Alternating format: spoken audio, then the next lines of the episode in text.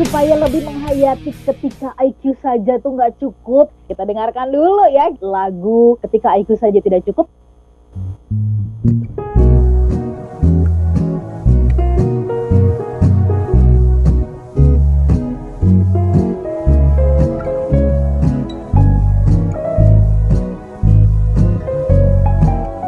Mengapa sarjana pintar nasibnya terlantar. Masalahnya satu IQ-nya tak bermutu. Mengapa lulusan terbaik Tak punya karir terus naik? Masalahnya jelas IQ-nya tak berkelas. Mengapa yang merasa hebat terhambat Susahnya membangun relasi karena IQ-nya tidak tinggi. IQ saja tidak cukup.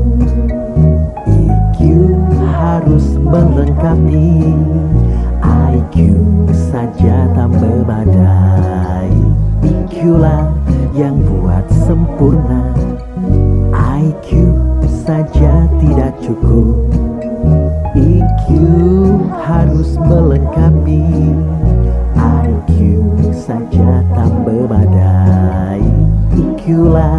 yang buat sempurna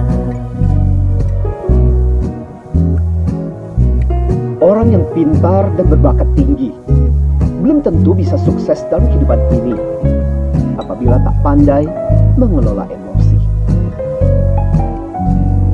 Meri cerdas emosi agar mampu berinteraksi, membina relasi, dan mewujudkan mimpi. Karena pintar saja tidak mencukupi. Kini ku tahu kuncinya. Jangan fokus di IQ saja. Emosi dikelola Sukses luar biasa. Hmm, mengapa yang merasa hebat? Biasanya karirnya terhambat. Susahnya membangun relasi Karena IQ-nya tidak saja tidak cukup IQ harus melengkapi IQ saja tak memadai IQ lah yang buat sempurna IQ saja tidak cukup. Oke, EQ harus melengkapi. Cerita Yes. dong, bakat musik datangnya dari mana dan gimana ide kreatif bikin lagu tadi? Silakan. Mm-mm. Sebenarnya kalau bicara soal bakat, entah datang dari mana juga, ini misteri banget sih. Jadi memang saya ini kan kecil di pesantren. Kalau di pesantren itu Oke. mau ngapalin soal nabi-nabi, ayat Al-Quran, kemudian sholawat nabi, itu pasti akan dikasih nada, akan dikasih alunan. Dan itu tuh Oke. cepet nyampe, cepet nangkep, cepet paham, dan sampai saya segede gini pun, itu saya masih ingat nadanya, kemudian ayat demi ayatnya itu nempel sekali. Mungkin karena memang saya ini doyan banget untuk berimajinasi. Jadi kalau habis ngaji gitu ya di pesantren, kita main ke sawah sambil na na na na na na, selalu ada nada-nada yang kecetus aja. Dan itu pun saya menyadari ini sesuatu yang kayaknya pas banget gitu. Pada saat saya mau SMP, SMA, dan kuliah, kalau lagi belajar, ditemenin sama musik.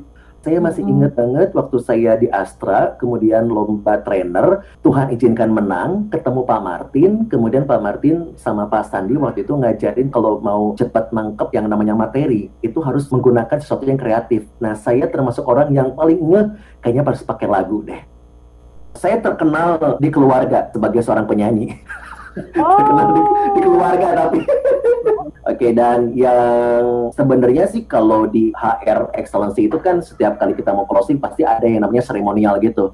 Dan Iya. biasanya saya tampil nyanyi sambil ngajak mereka bernyanyi, ada satu lagu, kita ganti liriknya. Nah, dari situ sebenarnya Mbak Ola muncul kayaknya Pak Martin kita perlu bikin lagu nih yang memang benar-benar hak ciptanya tuh higher excellency.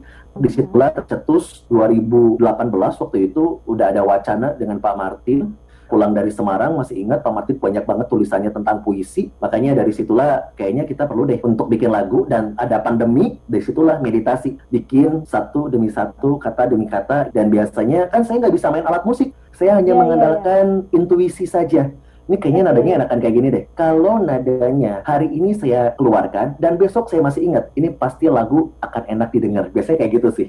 Ini sedikit bocoran ya. Jadi kan kita ini bikin mini album. Ada Pak Martin dilibatkan, tim dari High Excellency dilibatkan. Total ada lima lagu. Tapi lagu yang IQ saja tidak cukup itu yang paling lama dibikinnya. Sampai berapa ya? Dua bulan mungkin ya dua bulan ganti lirik ini. Ini kayaknya nggak pas ganti lirik ini. Kemudian saya baca lagi bukunya Pak Martin yang ketika pintar saya tidak cukup. Oh ini kayaknya partnya harusnya begini deh. Ini kayaknya vokalnya harusnya begini deh. Itu beberapa kali revisi sampai waktu itu siapin narasi untuk Pak Martin membacakan puisi. Itu pun wah diganti berapa kali gitu. Dan itu paling lama. Apakah musik itu bersifat melenturkan sehingga ketika materi demikian banyak itu jadi mudah ditangkap begitu. Si musik ini tuh yang memudahkan atau musik ini menjadi kendaraan yang membawa pesan sehingga kemudian kita menjadi lebih mudah. pengalamannya adalah musik jadi kendaraan, musik jadi media untuk kita bisa paham, kita bisa mengingat pesan dengan lebih lama, materi lebih lama, dan kita lihat deh jangan jauh-jauh dari mulai PAUD, TK, playgroup dan lain-lain, pasti aja anak-anak kita tuh diajarin sama guru-gurunya itu menggunakan musik. Nada tersebut itu menjadi rajutan untuk si anak tersebut belajar dengan lebih mudah dan lebih menyenangkan gitu.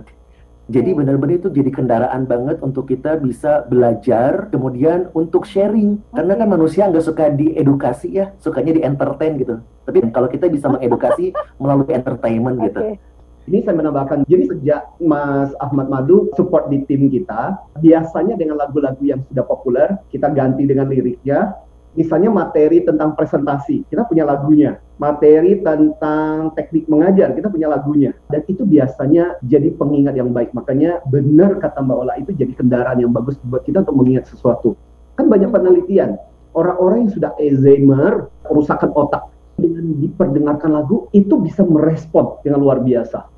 Dan bisa ditambahin juga Mbak Ola, orang yang tadinya terpuruk, kemudian galau luar biasa, tapi gara-gara lagu, mereka bisa langsung termotivasi, on, ya. membuktikan kepada sang mantan, misalkan gitu ya, move on gara-gara lagu gitu kan. Ekspresinya itu yang benar-benar dijadikan kendaraan untuk dia bisa move dan better. Pak Antoni, saya penasaran ini. Ada ya orang yang suka banget sama musik, tapi ada juga yang nggak suka banget sama musik. Kadang dia kalau misalnya belajar, kalau dengerin musik tuh kayaknya ke distract gitu Pak Antoni. Apa sih yang membedakan ini? hasil penelitian mengatakan ada dua jenis orang. Ada orang yang disebut dengan screener dan non-screener ternyata. Screener itu adalah orang yang dia bisa menyortir. Jadi sambil mendengarkan musik nggak jadi masalah, tetap bisa konsen. Jadi otaknya bisa menyaring. Nah ada orang yang otaknya nggak bisa nyaring, non-screener. Jadi kalau saya melakukan sesuatu, saya harus purely fokus dengan pekerjaan itu. Hmm. Dengerin musik, kacau balau. Oke. Jadi gini, nggak boleh kita misalnya kalau saya adalah orang yang non screener kemudian mengatakan, ayo dong jangan dengerin musik, nggak bisa.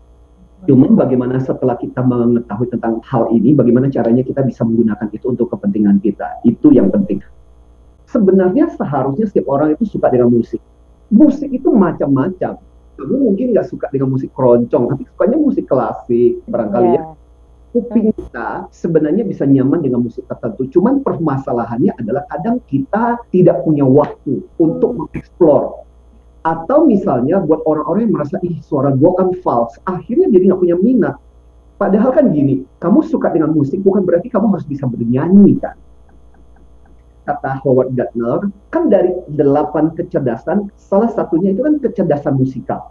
Saya ingin cerita begini salah satu alasan kenapa angkat topik ini penting banget adalah karena banyak banget hasil riset yang sebenarnya kalau kita cari di jurnal yang mengkaitkan kecerdasan emosi dengan musik itu benar-benar itu risetnya banyak banget. Itu pernah dilakukan penelitian anak-anak sampai remaja yang punya kemampuan untuk penghayatan terhadap musik itu terbukti kemampuan salah satu bagian dari kecerdasan emosi yang namanya penyadaran emosi itu jauh lebih tinggi daripada orang biasa. Ada penelitian yang menarik. Jadi orang-orang diminta untuk mendengarkan suara anak kecil yang menangis dengan berbagai situasi. Yang marah, yang kesel, dan sebagainya. Ternyata kemampuan orang yang punya IQ tinggi untuk memahami apa yang terjadi itu ternyata ada hubungannya. Makanya sering kali dikatakan kemampuan kita untuk bisa merasakan sesuatu itu erat hubungannya dengan kecerdasan kita di bidang musik. Musik itu membantu. Salah Ya. satu yang saya sering kali lakukan ketika saya mengajar di IQ itu dengerin musik yang nggak ada lagunya coba bayangkan itu musik sedang berbicara tentang suasana apa, emosi seperti apa. Itu bisa mengolah dan melatih kepekaan kita. Dan itu bagian pertama dari kecerdasan emosi yang sangat penting banget. Sampai dengan sekarang saya percaya yang namanya musik itu satu bisa melatih kepekaan kita terhadap perasaan yang sedang dirasakan orang lain. Yang kedua, saya punya anak yang termasuk hyperaktif, kemudian ngobrol sama psikolog anak, dan salah satu media untuk menenangkan dia adalah sebelum tidur. Kita akan memainkan musik-musik klasik, dan dari situ sampai dengan sekarang sebenarnya anak saya udah mulai kelola luapan ekspresi kemarahannya, kekesalannya, dan saya percaya orang-orang yang punya musikalitas dalam artian ini ya senang musik gitu senang musik itu orang yang tahu bahwa ini situasinya lagi apa kalau saya di Ya. posisi itu seperti apa ini bisa belajar untuk bersimpati bahkan berempati.